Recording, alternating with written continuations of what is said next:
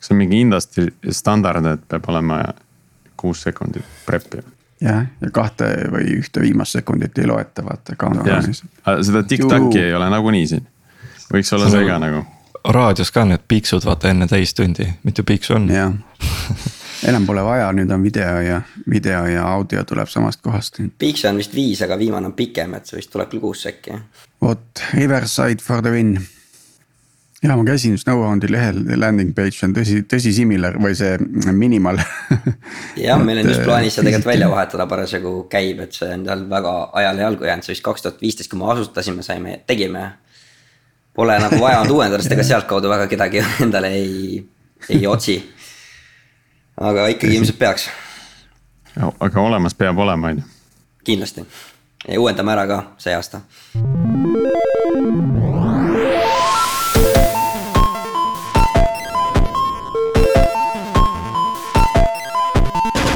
Tere tulemast Algorütmi lainele, täna on kaheksas aprill, mina olen Priit Liivak Nortalist ja koos minuga on tänast saadet vedamas Tiit Paananen Veriffist ja Martin Kapp Pipedrive'ist.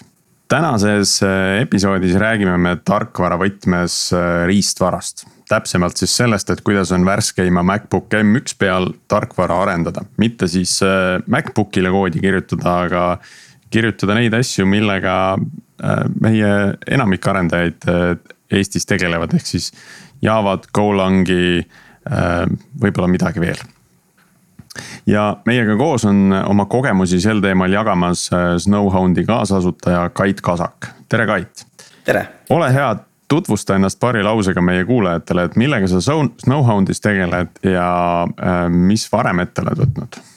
jah, et äh, Snowhoundis ma olen siis arendaja arhitekti rollis sõltuvalt projektidest äh, teinud enamasti Java ja JVM arendusi, näiteks nagu Kotlin ja järjest enam ka tegelikult Node.js-i ja front'i, siis äh, enamasti React'i, natuke Angulari, veel vähem veidike ka Vue'd. ja üldiselt on mul arenduskogemust nii viisteist aastat juba. et alustasin kunagi PLSQL baasi progejana, aga üsna kiiresti sai sealt pivot itud Java peale ja riistvara huvi on olnud tegelikult veel kümme aastat kauem, et igasuguseid benchmark'e jooksutanud ja vaadanud juba teismeeast saadik, et seetõttu ka see teema tegelikult on väga hingelähedane mulle. ja kuidas sinust üldse arendaja sai? huvitavalt mul oligi nagu see, et ma tegelikult mõtlesin isegi ajalukku minna veel kunagi, aga siis jäin mõtlema, et ma olen kui lapse, lapsepõlvest saadik arvutite taga istunud ja huvitavad, et miks ma ei ole mõelnud arendajaks saada sest ma ei tea, mul kuidagi ei olnud seda isegi veel keskkoolis, ma arvasin, ma ei tea matemaatikaeksamit, et mul ei ole seda millekski vaja ja siis kuidagi kaheteistkümnendas klassis käis klikk ära, kuigi ma nagu progenud olin natuke ja kõik olin iseenesest teinud. aga jah, ma hakkasin just võtma vist väljavaadetele ajalooharidusega ja siis mõtlesin natuke ja siis leidsin, et ei, tuleb ikka IT-sse minna. viieteist aasta jooksul oled sa kindlasti äh, igasuguse riistvara peal äh, koodi kirjutanud äh, et tõenäoliselt see täna, tänane M1 kogemus on loodetavasti kõige parem, aga eks me seda täna siis äh, kuuleme M1 ehm, on juba mõnda aega väljas, aga noh, ja selle kohta on tehtud ka erinevaid benchmark'e, et proovime, äh, proovime meie täna siin siis võib-olla natukene äh, praktilisemalt just sellisest äh, Java arendusest ja, ja veebiarendusest rääkida. Ehm, ja jätame siis need benchmark'id, kuivad benchmark'id teistele. et, et see võib-olla nii tähtis ei olegi, kui see arendaja kogemus, eks ole, et miks, miks me kõik ühel hetkel IntelliJ peale kolisime, oli just see arendaja kogemuse eh, mõju, et mitte see, et ta kompileerib kiiremini midagi. väga asjalik märkus, et jah, ma tahaks lisaks veel mainida, mul kodus on tegelikult täitsa kiire nagu ja natuke ära tuunitud mänguriarvuti ka, mis on olnud väga hea referents mulle, et ka selle pealt olen aeg-ajalt pidanud arendust tegema. ja noh, lühidalt võibki kohe ära, et hämmastas see, et sisuliselt oli efekt sama et kui muidu ikka läpakas on ikka läpakas ja lauaarvuti on lauaarvuti, siis seal noh. oli keeruline vahet teha. aga mis siis, mis siis Apple tegi, et äh, mis teeb selle M1 eriliseks, hakkame sealt pihta, et inimestele, kes, kes võib-olla pole äh, päris lõpuni selle teemaga tutvunud, et äh, käiks hästi kiirelt ka selle otsa üle jah, et ma ei teagi, kust alustada, põhimõtteliselt ju Apple on tootnud protsessoreid nüüd juba üle kümne aasta, mida paljud võib-olla ei teagi, aga Nad esialgu alustasid mobiiltelefonidest, kus neil olid need äh, litsenseeritud äh, ARM tuumadega protsessorid. ja tasapisi hakkasid nad tootma iseenda tuumasid. palkama igasugu AMD Inteli insenere sinna juurde. ja inimesed tihti ignoreerisid seda, kuna see ei puutunud nagu väga nende teemasse. aga selgelt oli ju tegelikult näha, et nende riistvara oli nii-öelda teistest ees. et küll arvati, et nad cheat ivad benchmark'ide ja kõige muuga. Aga see nii-öelda nagu kellavärk, nad iga aasta seda asja parandasid ja mingi hetk läks see vahe nii kohutavalt suureks, et juba, kui juba iPhone'i protsessorid hakkasid mõnes mõttes sammu pidama suurte Inteli laua, lauaarvutite protsessoritega, siis võis nagu aru saada, et asjad ei ole päris korras kas sa tead ka või on sellest räägitud, et mis see, kas seal oli mingisugune, mingid väga tugevad insenerid või oli see visioon oligi selline, et millele see põhineb?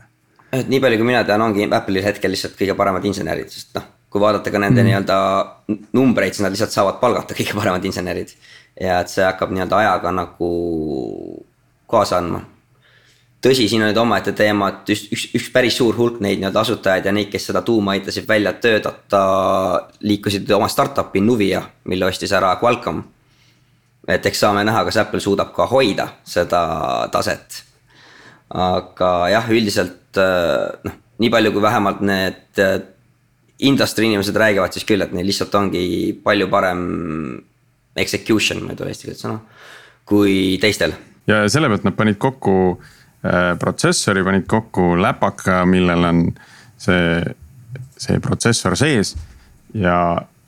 ja see on nüüd kõige kiirem, kõige vaiksem ja kõige mõnusam asi, millega tööd teha nojah, väga lihtsalt võib vist nii väita küll, eks siia aitab kaasa ka see, et Intel ju tegelikult on see, kes oli vanasti riistvaja vedaja ikka väga pikka aega. kaheksakümne seitsmendast aastast saadik, võtta Moore'i seadus, mis tähendab, et transistorite arv kiibil kahekordistub iga kahe aastaga. nagu kellavärk, nad tegid äh, uue ränikivide tootmisprotsessi ja tegid sellega uue kiibi ja tihti võib-olla see arhitektuur neil ei olnudki nii hea, kuivõrd see just tootmisprotsessi filigraansus. ja eks siin aitas kaasa ka see, et kaks tuhat neliteist välja tulnud neliteist nanomeetri protsess võttis juba kolm aastat ja sealt edasi see kümme nanomeetrit on võtnud, kuidas sa nüüd mõõdad, kõiki protsessoreid pole nad sinna üle viinud. aga viis kuni seitse aastat. Intel kukkus kalju äärelt alla samaaegselt kui Apple edasi liikus. et see on üks põhjus tegelikult, miks see kontrast on nii suur. sest noh, teada on, et Apple plaanis neid lauaarvuteid, noh. ruumorid olid juba vähemalt viis aastat ja nad oleks ilmselt nagunii teinud nii-öelda enda läpakad ja oma kivid. aga see, et Intel samaaegselt ei suutnud midagi nagu paremat turule tuua viis aastat järjest, sisuliselt teeb selle eriti kontrastseks lihtsalt mm. -hmm. et ees, eesjooksjale on lihtne järgi jõuda, kui ta ära väsib ja hoogu maha võtab. just, et ei tasu kunagi hoogu maha võtta, on vist. ja ei, ei tasu nagu äh, alla anda või ei tohi nagu järgi anda aga sa tegid ise ka äh, mõningaid katseid just selle käivituse kohta, ma ei tea, kas sul endal need numbrid on ees, mul on nad siin äh, olemas, mis sa mulle varasemalt saatsid, kui me sellest episoodist rääkisime. mul päris täpselt numbreid siin ei ole, aga ma mäletan umbes seda suurusjärku küll üsna täpselt.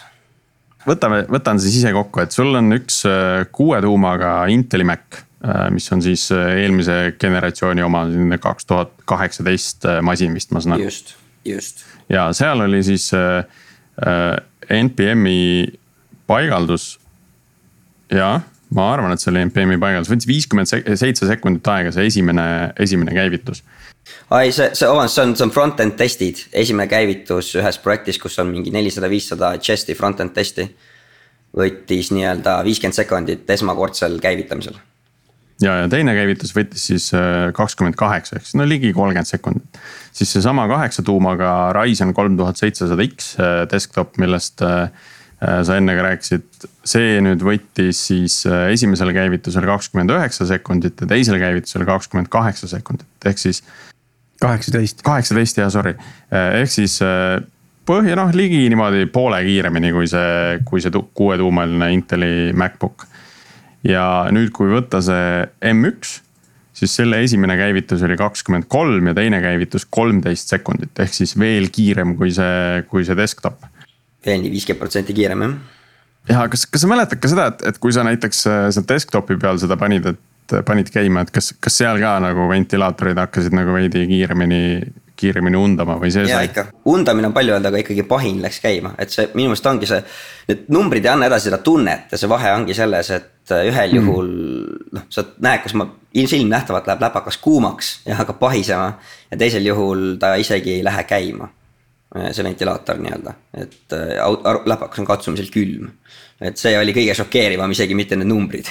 sest me oleme siin ise salvestamisega olnud samamoodi hädas mingi aeg, et, et see MacBook kippus minema kõvasti kohisema teatud hetkedel ja küll sai seda siis mikrofonist kaugemale pandud ja, ja laua alla peidetud.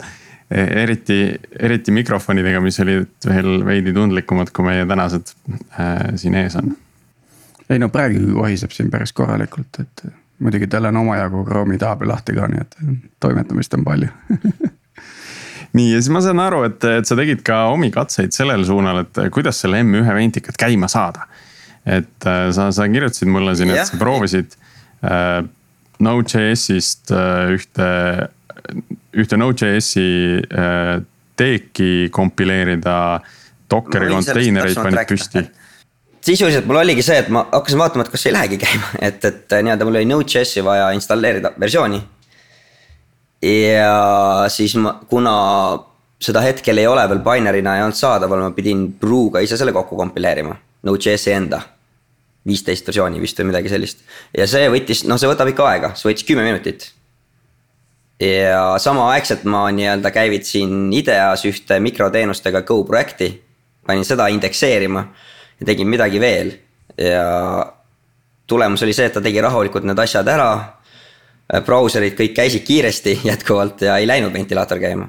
et lõpuks vist ainus asi, millega mul õnnestus see käima saada, oli kui ma kui ma hakkasin mingit AV1 koodekiga äh, encode itud videot 4K-s decode ima, mille tuge ei ole riistvaralist back'il. ja siis ta pidi umbes nii kaheksasaja protsendise koormusega üritama seda reaalajas jooksutada. ja vot, kui see käis nii-öelda mõned minutid, siis hakkas vaikselt-vaikselt ventilaator käima. aga see ei olnud ka mingisugune pahin, vaid lihtsalt vaikne undamine. kõlab uskumatuna. et see oli jaa väga üllatav et see on kindlasti selle arvuti nii-öelda tugev külg ja minu meelest kõige hämmastavam ongi see, et see M1 on ju tegelikult kõige aeglasem Maci protsessor, mis tuleb. see, kui vaadata neid samu Mac'e, mille sees see on, need on tavaliselt sellised väga low-end kahetuumalised Intelid olnud. ja ei ole kahtlustki, et äh, kui see uuem põlvkond nüüd millalgi see aasta tuleb ka kallimatele Macidele, siis on see vahe veel suurem. et ootan juba huviga mm. -hmm kuidas see M1 arvuti nagu muidu tundus, jättes nüüd protsessori kõrvale, muud komponendid? Ja, et siin on äh, klaviatuur näiteks on olnud üks asi, mida, mis äh, tihti polariseerib kasutajaid, et. Äh. jah, mul ongi nüüd see häda, et enamik aega ma tegelikult veetsin miniga üldse mistõttu klaviatuuri ma seal ei pidanud kasutama, aga ma sain näppida ka Prod ja minu meelest just see uus klaviatuur Macil on väga hea et nad läksid ju tagasi vana peale, mis neil kunagi oli, et kaotasid selle vahepealse ära, mis mu endal kaks tuhat kaheksateist aasta Mac Prolgi on, mis hetk, millega ma hetkel siin olen. ja ma ütleks, et pigem see klaviatuur on hea, et nad tagasi pöördusid, et vahepealsel tõesti ma olen pidanud seda juba korra vahetama. tühik kiilus kinni lihtsalt tolmuga ja ei olnud nagu positiivne elamus et kitsaskoht M1-l muidugi on, et selleni ilmselt jõuame hiljem, aga, aga noh, üldmulje on ikkagi mulle väga positiivne, eriti selle raha eest, sest noh. Kui vaadata PC maailma, siis see, palju need konkreetsed MacBookid ja Airid maksavad, siis ei ole väga konkurentsi minu meelest. uhke, ehm, kas me läheme nüüd natukene sinna täitsa arenduse maailma ja arenduse poole ka? ja alustaks ikka nendest asjadest, et mis on hästi või, või siis väga hästi, et et sa natuke seda juba mainisid, et, et sa pidid Node.js-i uuesti ehitama kokku enda, enda platvormi jaoks. Aga kas oli ka mingeid neid asju, mis kohe töötasid või mille jaoks nagu sa ei saanudki aru, et on, on midagi teistmoodi, sihuke plug and play kogemus? see oligi teine suur üllatus, sest äh, tegelikult noh, me üldse hankisime selle kõigepealt selle mini just nimelt, et proovida sest et olime kaunis skeptilised, et kas õnnestub nii-öelda suvalist meie projekti võtta, hakata kohe selle uue Maci peal arendama reaalselt. ja võtsime selle üsna kohe, kui see välja tuli. me küll saime ta kätte nii kuu aja hilinemisega, aga enam-vähem. Ja juba siis noh, oli näha, et riistvara on üsna palju veel beet-, vabandust, tarkvara on üsna palju veel beetas, isegi alfas. aga mind hämmastaski see, et äh, terminal, ITERM kaks IDEA ja VS Code, insider versioon siis sellest. Neil kõigil olid juba oma ARM native kliendid olemas ja töötasid nagu kulda. samuti Chrome ja sisuliselt sama, kui me selle kätte saime, lähipäevil tuli ka Firefox. et lihtsalt pane tööle, töötab kõvasti, tuntavalt kiirem kui vana läpaka peal, et selline noh, uusima lauaarvuti kiirus, ütleme nii. ja jah, ja samamoodi siis, kui võtsin lahti uue Java projekti, millel oli siis äh, Node noh, front-end JavaScriptis ja back-end Javas nagu ikka. ja ka nendega uusimate Javade peal lihtsalt asi töötas. et ma ei olnud ära imestada, et, et nii valutult käis, testid läksid käima. mul vist oli vaja üks trust story mingi link muuta relatiivsest turlist äh, absoluutseks, ainuke muutus ja kõik töötas. et see oli väga hämmastav et ma ütlekski, et kuni tegeleda nii-öelda kõrgema taseme keeltega, mis on JVM-i peal või Node.js näiteks, siis. siis ja, ja sul on uuem taseme projekt, et ei ürita Java kaheksat jooksutada, et siis eh, tundub asi üsna valutu. aga ilmselt ka need mitmed projektid, noh, kui me võtame IDE või VS Code, eh, nad, nad pidid lihtsalt eh, enda toote selle ARM native kliendi jaoks uuesti kompileerima Äh, selle platvormi vastu ja kui neil koodis mingeid äh, erinevaid platvormipõhiseid nüansse rakendatud ei olnudki, siis see lihtsalt kompileerus ära, nad tegid publish ja olemas. ja see tegelikult on ka kiitus Apple'i ta tarkvarainseneridele, kes on neid väga palju vaeva, et see oleks niimoodi vahetatav, et nad tegid üsna karme otsuseid eelmises OS-is, ma ei mäleta selle nime nüüd Äh, kus nad piirasid ära kolmekümne kahe bitised executable'id ja terve rida muid asju tegid ümber ja see kõik oligi ettevalmistus selleks, et see asi läheks nii valutuks arendajatele. aga jah, et see ongi, klauselid on muidugi, et iga projekt võib erineda, näiteks kui Javas on mõni teek, mis juhtumisi kasutab native koodi, siis see kindlasti näiteks ei tööta ja neid üllatusi võib tulla.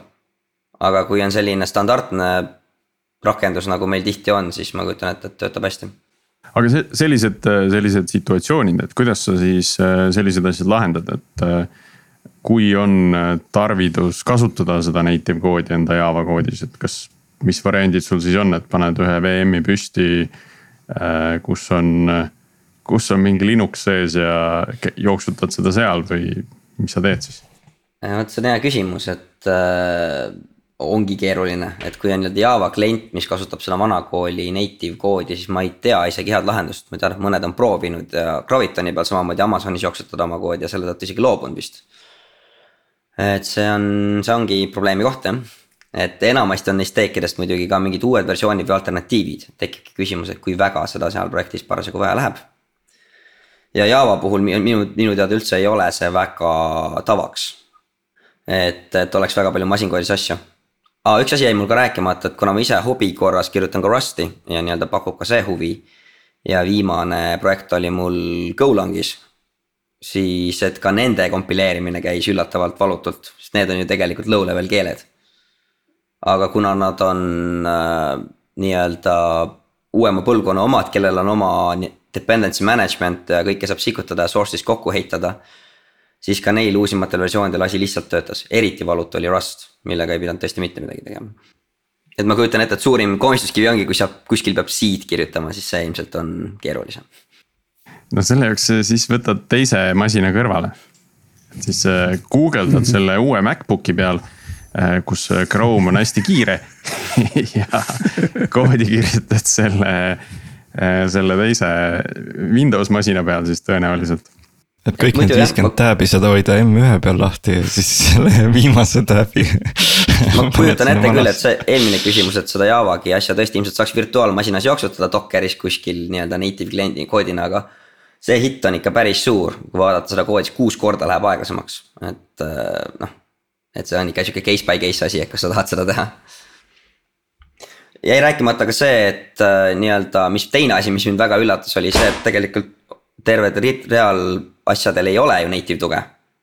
et äh, igasugu Electron klientidega chat äpid nagu Slack ja Zoom ja Skype, Spotify, Teams. ja et isegi need töötasid üllatavalt hästi. et äh, tõsi, seal ei olnud märgata sellist nii-öelda edasiminekut, aga põhimõtteliselt kõik jäid tööle. et see on teine väga suur kiitus mida seal siis kasutati või et, et sa oled kirjutanud, et see töötab Rosetta emulatsiooniga, aga mis asi see Rosetta emulatsioon seal taga tegelikult on siis? vot see ongi nüüd selline kaval asi, et, ähm, et äh, installeerimise hetkel, äpi installeerimise hetkel äh, Apple, tähendab jah, et Apple vaatab seda koodi üle ja reaalajas nii-öelda kompileerib selle ümber äh, ARM-i jaoks. Need osad, mis ta saab. Ja ülejäänud osa, mis ta ei saa, ta nii-öelda käivitamise hetkel runtime'is emuleerib. et see on teine väga suur kiitus neile, et nad tegid äh, teatavaid täiendusi protsessorile, mida ei oleks otseselt justkui vaja. et see oleks ka võimalikult valutu, sest näiteks kogu memory model on X86-l ja ARM-il täiesti erinev. ja ühel on sünkroniseeritud, teisel ei ole. ja et, et see, et see emulatsioon saaks kiiresti töötada, oli neil vaja nii-öelda natukene kirjutada riistvarasse sisse. Inteli nii-öelda täiustusi või neid sünkroniseeritud mäluhalduse instruktsioone, et see töötaks piisavalt kiiresti. aga see kõik on tehtud ja ongi, sihuke keskmine hitt on kolmkümmend protsenti või midagi sinnakanti, et jooksutada koodi emulatsioonis. pigem minu kogemusest on probleem, et isegi emulatsioonist hoolimata kõik kood ei tööta, mõned asjad on lihtsalt katki. aga kui ta töötab, siis tõesti noh, see vahe on väga-väga väike. et ta on ikkagi, ma ütleks kiirem, kindlasti kiirem kui vanad ER-id, et, et see oli ka väga üllatav mm. -hmm. no Teams ja Skype ja, ja Spotify ei, ei vaja ka tegelikult äh, tohutut performance'it, et kui seal see äh, kolmkümmend protsenti on äh, see Spotify aeglasemate muusikat mängib ikka sujuvalt seda sa ei, seda sa ei pane tähelegi. ainus probleem, mis seal natukene võib olla, ongi see mälukasutus, et see on ka minu meelest üks M1 suurimaid komistuskivisi praegu, kuna ta ei ole mõeldud arendajatele esmalt. Et ta on kuueteist gigabaidine versioon ainult ja see emuleerimine paratamatult võtab paar giga veel rohkem ära. nii-öelda, kui kõik need programmid käivad.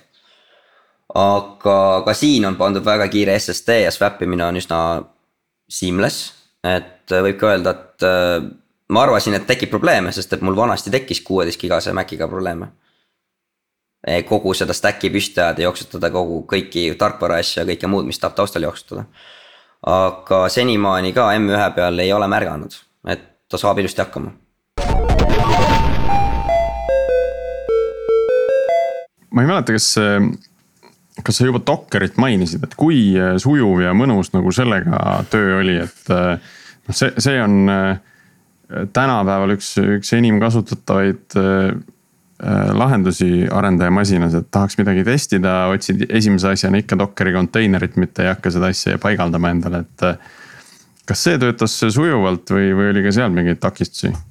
no siin võibki öelda, et liikusime sujuvalt sinna probleemide maailma siis et äh, Docker on üks suuremaid komistuskivisi siin veel ja mitte alati loomulikult, aga jah, et kuna tal hetkel on ka. ma vabandan, ma olen isapuhkusel olnud viimased paar nädalat, ma ei tea, äkki nüüd midagi uuenenud aga paari nädala vanuse seisuga. vähemalt oli Dockeril veel alfa versioonid ainult. isegi mitte päris beeta ja see töötab. Docker, jah, just, just.. Engine'i siis. Engine ja seal oligi see, et äh, mingid asjad töötasid. mingid asjad ei töötanud nii hästi, üks asi on loomulikult see, et milles Docker ei ole ise milleski süüdi, on lihtsalt, et ARM kuuskümmend neli image'id ei ole. et võtta mingid väga populaarsed asjad, no järjest enam neid tuleb, Postgres näiteks töötas täiesti veatult. aga avastadki, et äh, sul on mingi asi, mida sa projektis tahad kasutada ja sul ei ole seda ARM-i image'it. ja see ei tule välja ka, sest ta vaikimisi teebki, panebki sulle X86 image'i ja see töötab emulatsioonis ja siis võibki nalja saada. üks sihuke asi, millega mina puutusin kokku oli Ignite näiteks. millel ei ole, ei olnud sel hetkel mitte ühtegi ARM-i image'it, mida meil oli projektis vaja. ja mis, äh, mis siis lihtsalt ei käivitunud või noh, ta installeeris ennast ära ja ta hangus.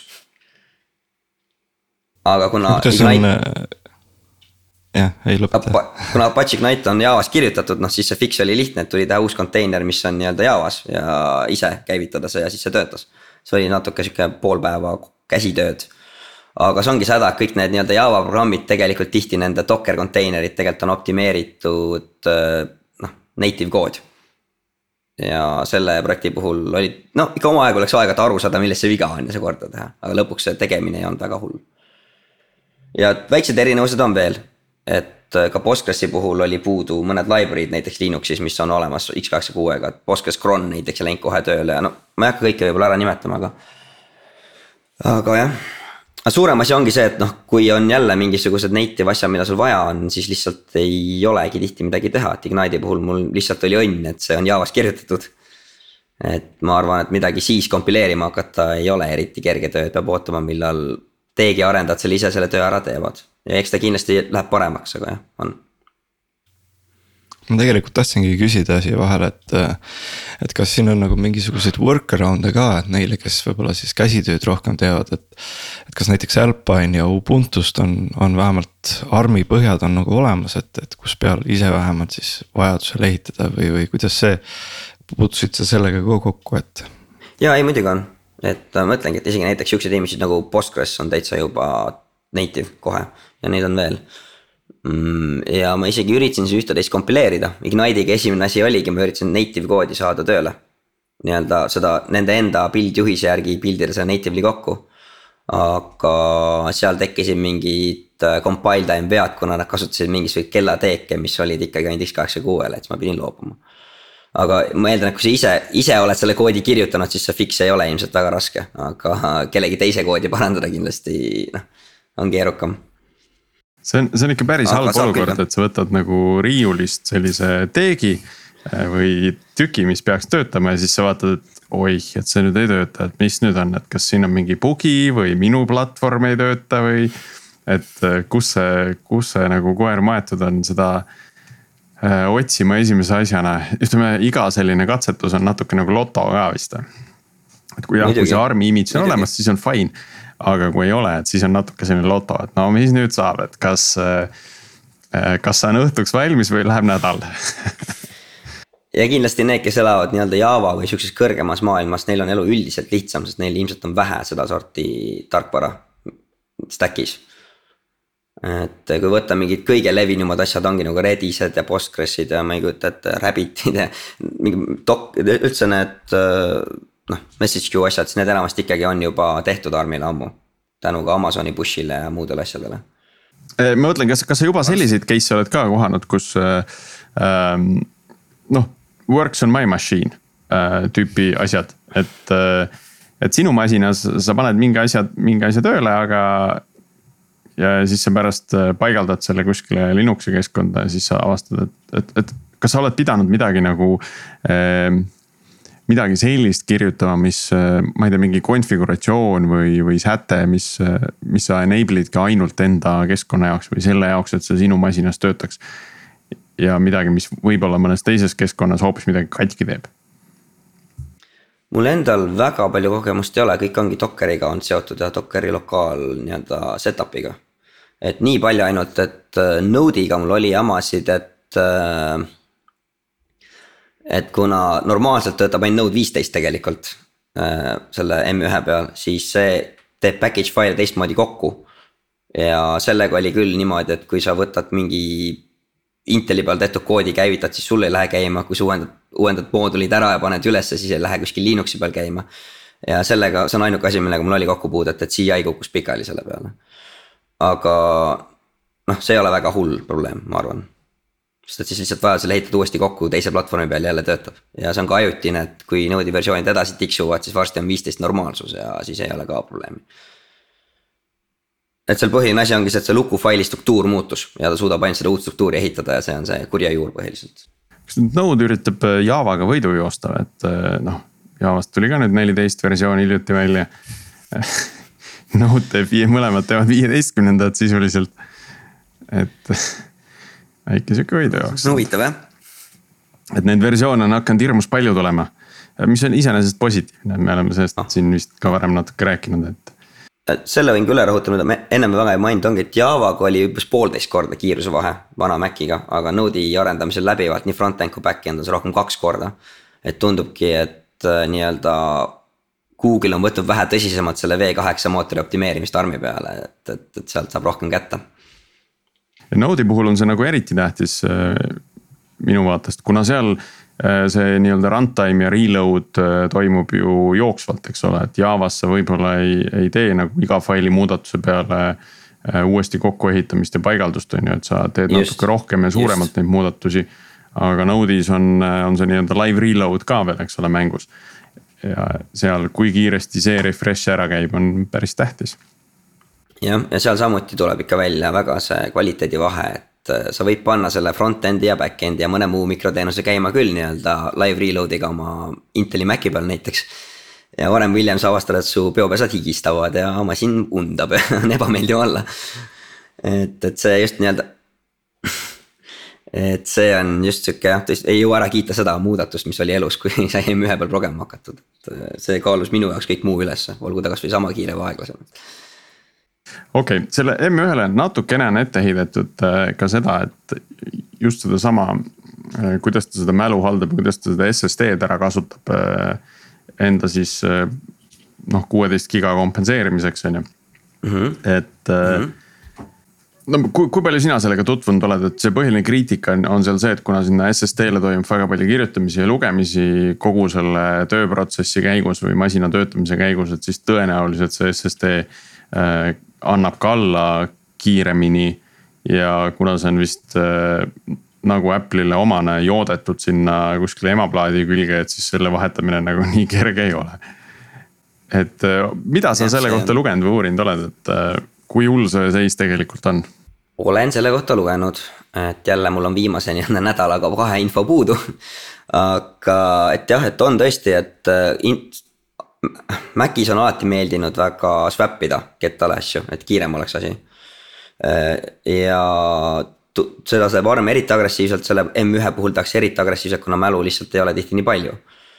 ja lugesin ja, et, et nii-öelda need need, need programmid, millega mõõdetakse seda SSD kestust, teatavad juba et, et viis protsenti või kümme protsenti on läbi mõnedel nii-öelda mingi paari kuuga siin seda SSD-d.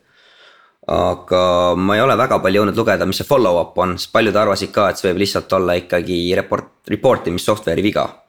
et ei ole tegelikult selge, kas ta reaalselt ka nii kiiresti läbi kulub, sest ei suudaks uskuda, et Apple'i noh, kvaliteedikontroll midagi sellist läbi laseks et muidugi välistada seda kindlasti ei saa, sest et see on uue põlvkonna toode, on ju, aga samal ajal, äh, kui sa kasutadki äh, Chrome'i ja Teams'i ja Skype'i, noh et siis sul ilmselt sa püsid selle kuueteist giga piires ja kui sa seal hakkad no Docker no konteinereid käima panema ja, ja natukene intensiivsemalt äh, seda kasutama. võib-olla videotöötluseks ka, et noh, siis, siis tekivad need, need probleemid kohe, kohe kiiremalt, eks Just. siin tundubki võib-olla see, et, et kui sa kasutad noh, et kui sa ütlesid enne, et need on rohkem nagu low-end tavakasutajale võib-olla mõeldud, siis nendel tõenäoliselt ei tohiks ka kunagi seda probleemi tekkida. Aga kui sa arendad selle peale väga agressiivselt, eks ole, et siis äkki selleks peaks ikkagi ootama seda pro line'i ka võib-olla. just, need ohud on ja ma ise leian ka, et arendajad, et kui ei ole mingit erilist entusiasmi, on tasub ära oodata need uued läpakad, sest need ei ole ka nii kaugel, et lisaks sellele on kogu tarkvara ökosüsteem selleks ajaks ka kõvasti edasi arenenud ja neil peaks tuumi olema rohkem ja nad peaks olema igatpidi paremad ka ergonoomiliselt, nii et minu meelest need kallima otsa Macid lihtsalt on oluliselt paremad kasutada. See on ka võib-olla üks põhjus, miks ma praegu siin ikkagi olen kaks tuhat kaheksateist aasta omaga, kuigi põhiline põhjus on see, et ma kartsin, et tarkvara ei tööta kuidas energiakasutusega on, et ARM-i protsessor, et.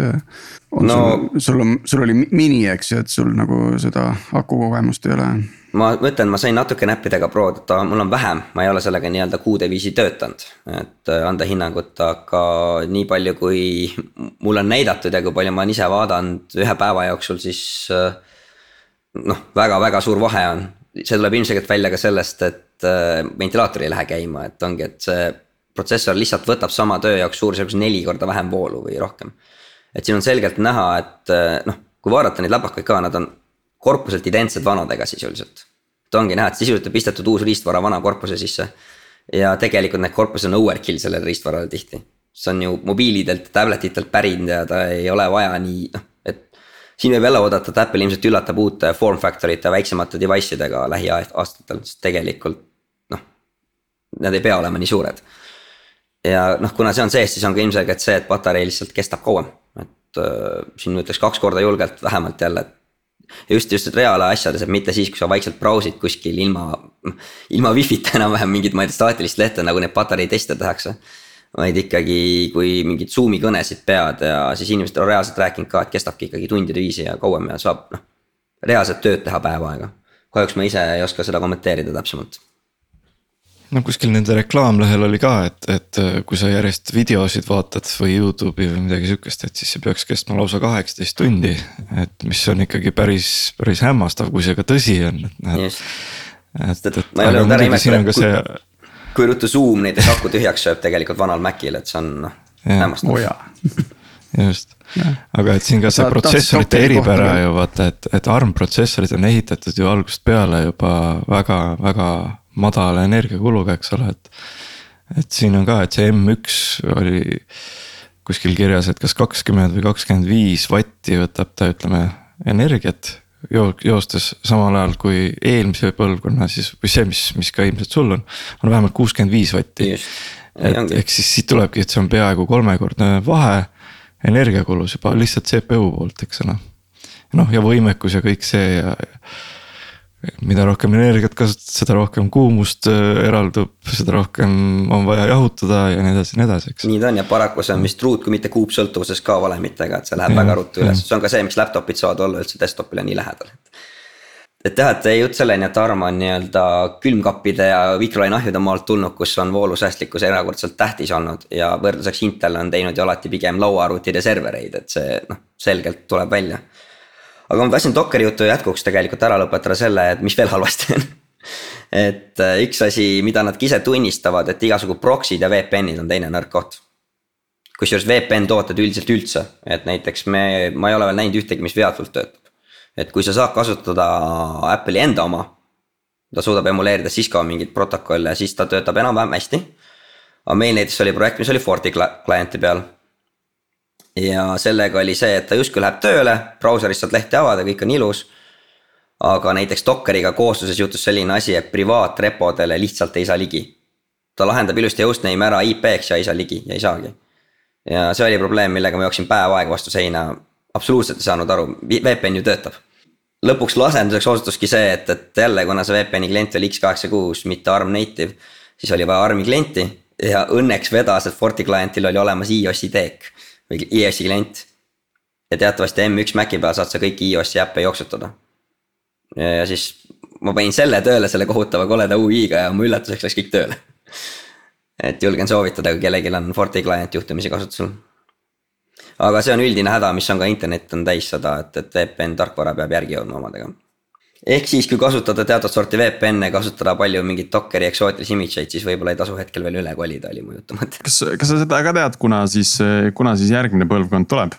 selle kohta mul siseinfot kahjuks ei ole kindlasti tulevad uued ju aasta lõpupoole seal novembri-oktoobri kandis, et loodetavasti ikkagi mingid mudelid lastakse välja siin vahepeal ka, ise väga ootan vähemasti sest et ma ütlen, see mini on mul ka nii-öelda testimiseks, aga ma hea meelega tahaks päris läpakat ka. aga jah, kahjuks ei oska infot anda inimesi, kes on rohkem kursis, aga nad ilmselt ei saa rääkida. siin on ju äh, ettevõtteid, kes ehitavad enda nende äh, neid äh, nii-öelda CI server parke nende minide peale. ja test, testfarm'e minide peale, kuna see form factor on väike ja, ja jõudlus on selle selle hinna ja suuruse kohta nagu suurepärane. ma just vaatasin, et, et Circle CI-l veel pole et nüüd, nüüd M1 tulekuga noh, mulle tundub, et see läheb nagu veel populaarsemaks. kui, kui nad suudavad seal nii-öelda vajaliku ülemineku tarkvara mõttes nagu korralikult ära lahendada. kas, kas sa sellega oled ka kursis, et kui siin nüüd üle maailma räägitakse kiipide nappusest. Ja, ja on selliseid probleeme, ma ei tea ta,, Taiwanis on äh, kümne aasta kõige suurem põud ja noh, veel pole nagu tehaste efektiivsust see mõjutama hakanud, aga paistab, et kaugel see ei ole. Ähm, et ka Apple'i kiibid, ma isegi ei tea, kust nad tulevad, kas nad tulevad Taiwanist või Hiinast, kus neil need tootmistehased on. tulevad Taiwanist, TSMC on see, kes toodab neid. ja, ja nemad just ostsid hiljuti äh,, maksid kolmkümmend miljonit, et saada endale sada, sada veokitäit äh, vett, on ju et nad kulutavad äh, kuuldavasti mingi sada kuuskümmend tonni, sada kuuskümmend tuhat tonni vett äh, päevas. Nad küll recycle ivad sellest suure osa, aga neil on väga palju vett vaja, et neid äh, kiipe toota. Et noh, kuidas, kuidas see nüüd hakkab mõjutama seda M1-de tootmist või siis ka järgmist põlvkonda, et see, seda saaks olema kindlasti huvitav näha jah, see on ka kindlasti ju probleem, sest tõesti Taiwanis oli ju vahepeal see, et tavainimestel lasti kaks päeva nädalas vett kasutada mõnes piirkonnas samaaegselt, kui need tehased tootavad, sest need on nii olulised nende majandusele. aga see on üsna kohutav, mis seal sellega toimub ja ka noh, nii palju kui Industry's räägitakse jälle, ei ole näha, et see väga palju paremaks läheks lähiajal. Sest paraku ongi, et Intel kaotas oma selle tootmise edge'i ära Äh, kuna uue põlvkonna kiipide tootmine iga järgmise generatsiooniga on nii-öelda meeletult kallim. siis kaob ära ka järjest konkurente, et sisuliselt praegu ainukesed, kes võidu jooksevad veel ongi Intel, kes teeb enda asju, ta eriti teistele ei tooda. on see Taiwan'i TSMC ja on Samsung ja Samsung on ka natuke ree pealt maha jäämas. et see on kindlasti suur probleem, et äh, see on ka minu arust Apple'i puhul see probleem, miks nad ei saa näiteks võtta kogu PC turu osa ära ilmselt, sest et Nad juba praegu on TSMC suurim klient, enamasti küll mobiiltelefonidele tablet itele, aga järjest enam ka nüüd Macidega. ja loed, olen lugenud neid artikleid, kus nad ütlevadki, nad tühistavad soodustusi AMD-dele ja kõigile teistele ja nii-öelda äh, pikemad lead time'id on neil ja on näha, et ikka kaks tuhat kakskümmend kaks tuleb ka veel probleemne. Ja see on ju igatpidi üsna nutune, et ma olen ise ka natuke noh, ma ütlen nagu ennem jutust välja tuli ka natuke mängur ja nii-öelda selle sorti huviline ja näiteks, mis praegu puudutab videokaarte, siis see on täitsa ahastusse panev, et sellist asja ma ei ole kahekümne viie aasta jooksul näinud, et. et mingi toode läheb kaks korda kallimaks lihtsalt aastaga, eelmine põlvkond ka ja mitte midagi ei ole saada ja ei ole näha, et lubatakse, et oleks saada lähiajal seal on need Bitcoini minerid ka natukene eh, oma rolli mängimas, mulle tundub. Just, et noh, seal saabki, noh sellest vaatevinklist saab ainult loota, et kunagi tuleb jälle Bitcoiniga raha kui olla geimer nii-öelda et siis tuleb äkki järelturule hästi palju kõrge taseme graafikakaarte. eelmine kord täpselt nii oli ja siis olid AMD ja Nvidia said päris suure paugu sellest, sest et neid kvartal või kaks ei müünud suurt midagi, sest et kõik need noh. Need kasutatud kaardid jõudsid turule ühesõnaga, äh, ma arvan, et siit see moraal sellest jutust on see, et äh, kui see M1 hakkas piisavalt huvi pakkuma ja julgust on omajagu, et siis tasub see varakult ära tellida, sest selle kohale jõudmisega võib, äh, võib minna pisut aega. et see kõrgema klassi läpakad lähevad juba siis nagu sinna autode maailma, et noh, et tegelikult juba praegu on, sa teed Apple'i saidil selle tellimuse, kui sa tahad midagi kohandada veel mälu juurde panna või, või ketast suuremat sisse, et siis nad teevad sulle nii-öelda äh, rätsepa tööna, panevad selle asja kokku ja ja läheb kuu aega miinimum, et saada nagu poole suuremat ketast sinna sisse. nii palju, kui ma netis vaatasin neid, siis see on ka Eestis väga tugevalt, et neid ER-e ja Prosid kaheksa gigabaitiga on üsna palju saada. aga kui sa tahad näiteks viissada kaksteist giga ketast ja veel kuusteist giga mälu, siis see on juba kaks korda kallim ja väga vähe saada. et juba on probleemne jah ja kuusteist on kindlasti arenduse jaoks absoluutne miinimum, et kaheksaga ma küll ei soovitaks midagi teha. ja kui siin gigade kaupa neid Dockeri image eid alla tõmmata, et siis, äh, siis samamoodi see. see ketas kulub kiiresti, eriti kui, kui arendajana ei viitsi seda kogu aeg äh, nii-öelda koristada enda järelt ja mingeid äh, vanemaid projekte siis maha võtta sealt image ite hulgast. mul oleks üks vahepeal, kui siin oli väike paus meil et siis, et äh, üks filosofeerimise küsimus ka nagu tekkis, et kas sina oskad sellest võib-olla ka siis kaasa rääkida, et.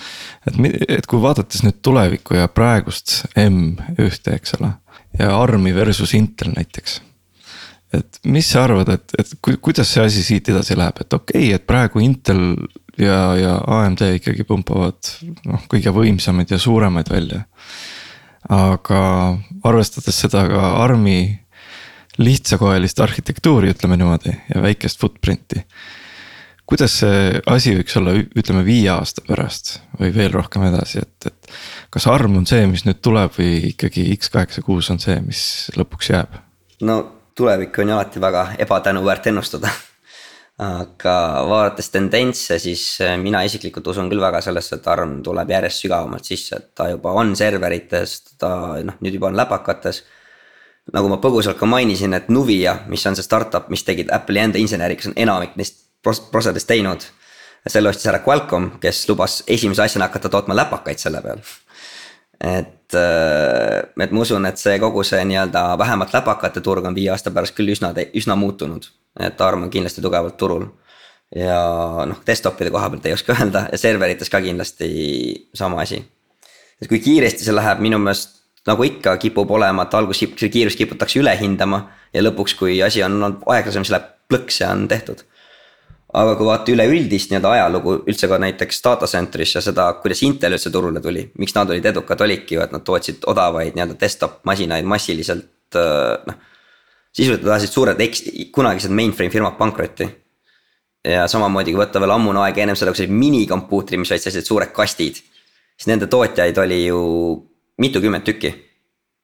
ja nad olid täiesti absoluutne turg ja siis, kui tuli mikroprotsessorid ja need nii-öelda mikroarvutid, need lauapealsed desktop'id siis mitte ükski neist ei kohanenud, ainuke erand oli IBM ja see oli sellepärast, et neil oli teisel kaldal oli oma nii-öelda noh, startup põhimõtteliselt, mille, mis oli, töötas isolatsioonis. Et noh, vaadates ajalugu tundub, et AMD-l Intelil läheb väga-väga raskeks. kuigi ka nemad kiire, pingutavad, et neil on nüüd nagu jalad kõhu alt välja võetud ja viimase aasta jooksul on nagu areng olnud oluliselt kiirem kui eelnevad viis aastat, nii et ma lihtsalt olen sattunud kellegagi siin ka arutama, et, et, et vaadates. et noh, et kui Inteli või siis X86 tüüpi protsessorite instruction set noh füüsiliselt tahab saada rohkem ruumi. Aga ARM-il on nagu lihtsustatud instruction set, võtab vähe ruumi, aga on kiire et siis sisuliselt noh, et, et kumb nagu võiks skaleeruda tulevikus paremini, et, et kui asi instruction, instruktsioonid lähevad operatsioonisüsteemi driver itesse. siis sisuliselt armidega sa võiksid noh, kuna sul on neid transistoreid ja neid nii palju, et võib-olla, võib-olla ikkagi see lõpuks võtabki üle nagu selle Inteli praeguse lihtsustatud äh, süsteemi no kogu see voolutarv eeliski, et sa saad kasvõi serverisse panna kaks, võib-olla neli tuuma sama power budget'iga töötama, kus iga vatt on mhm. vaja ka maha jahutada ja see annab väga suure eelise ja tõesti, see X86 instruction set on ju noh kohati tegelikult mitte kõige paremate toodete legacy bloat on ju, kus sa pead kaheksa bitiga üldse protsessorit pööle panema, sealt riburada pidi liikuma kuuekümne nelja peale ja noh, et see on.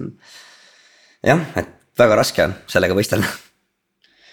et ega kunagi ei tea, muidugi võib juhtuda, et noh, et tihti maailmas juhtubki seda, et kõige parem asi ei võida näiteks, et võib vabalt juhtuda, et äh, kuidagi juhtub mingi ime, võetakse kõhuvad-jalad välja, tehakse ära, aga aga ütleme, kui Armi ja ka Apple'i ja need tootjad oma kaardid õigesti mängivad, siis on keeruline seda näha. et siin küll on üks omaette faktor, mis natuke asja keerulisemaks teeb, on see Nvidia Armi potentsiaalne vastus, aga. See võib olla omaette teema, et seda ei jõua siin pikemalt lahata, et see võib hoopis tuua esile RISC-V ja veel mõned uued arhitektuurid, et. sest Armi ju põhiline müügiargument on ikkagi see, et neil on nii-öelda avatud noh, nad litsenseerivad oma tuumasid kõigile ja lubavad ka ise ehitada. et, et kui Nvidia maksab selle eest mitukümmend miljardit, siis ei ole arva-, noh. Nad võivad rääkida, mida nad tahavad, nad ilmselgelt otsivad ikkagi isiklikku eelist sellele sinna, et noh. et see kaotab, on näha, et juba Amazon hakkas peale seda risk-V-d väga huviga jälgima ja et noh, ei ole teada, kas ost läbi läheb veel, on ju, aga kahtlus on, et läheb et, et siis, siis, siis läheb maailm jälle omakorda huvitavamaks, aga kui seda ei peaks juhtuma, siis ma ennustan küll Armile väga, väga suurt tulevikku ja noh, nii või naa. kõlab nagu väga siis... kaootiline ja huvitav aeg praegu üldse tehnoloogias nagu räni räni tootlikkuse madal seis, erinevad uued arhitektuurid, üks ostab, kes ostab keda. et päris põnev.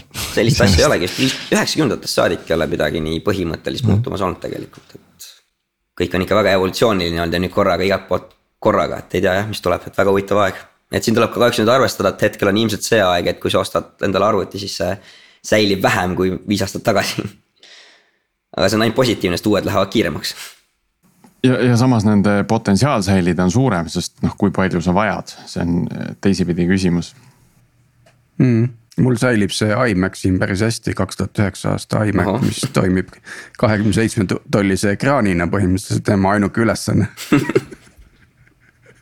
see on, see on pluss, vaata, kui sa teed mitut asja, siis äh, on tõenäosus suurem, et äh, ühe funktsioonina sa säilid. ja võib-olla teine hüljatakse. just aga jah, et selle suure riistvara jutu lõpetuseks võikski öelda, et nii-öelda kaks tuhat kakskümmend kaks vist lõpupoole või nii tasuski huvida jälgida ka siis Windowsi turgu nii-öelda, kui sinna ka need ARM protsed peaksid võimsamad tulema, sest noh. ühte-teist Windows on ARM on, on ju, ja see opsüsteem ka areneb, aga nende jõudlus ikkagi on täiesti noh suurusjärgu võrra madalam, et neid kindlasti ei saa arendamiseks kasutada hetkel. aga on lootust, et äkki siis saab. no nii, äh, ma arvan, selle, äh, selle lootusega me saamegi siin tänasele episoodile ka joone alla tõmmata. Jääme kõik ootama siis järgmist äh, põlvkonda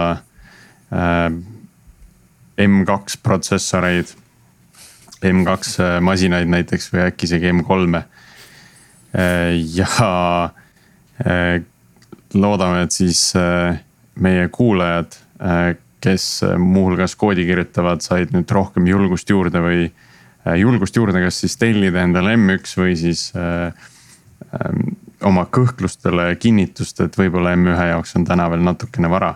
eks, eks see jääb meie kuulajate endi otsustada ja ma hakkan küll M1 poole vaatama, kui ma selle iOS-i FortiGate'i kliendi saan sinna installitud, siis minu mured on põhimõtteliselt lahendatud. vot näed, ühe, ühe kliendi saime juurde Apple'ile. aga sellega siis äh, tänaseks lõpetame ja kuulmiseni järgmisel nädalal.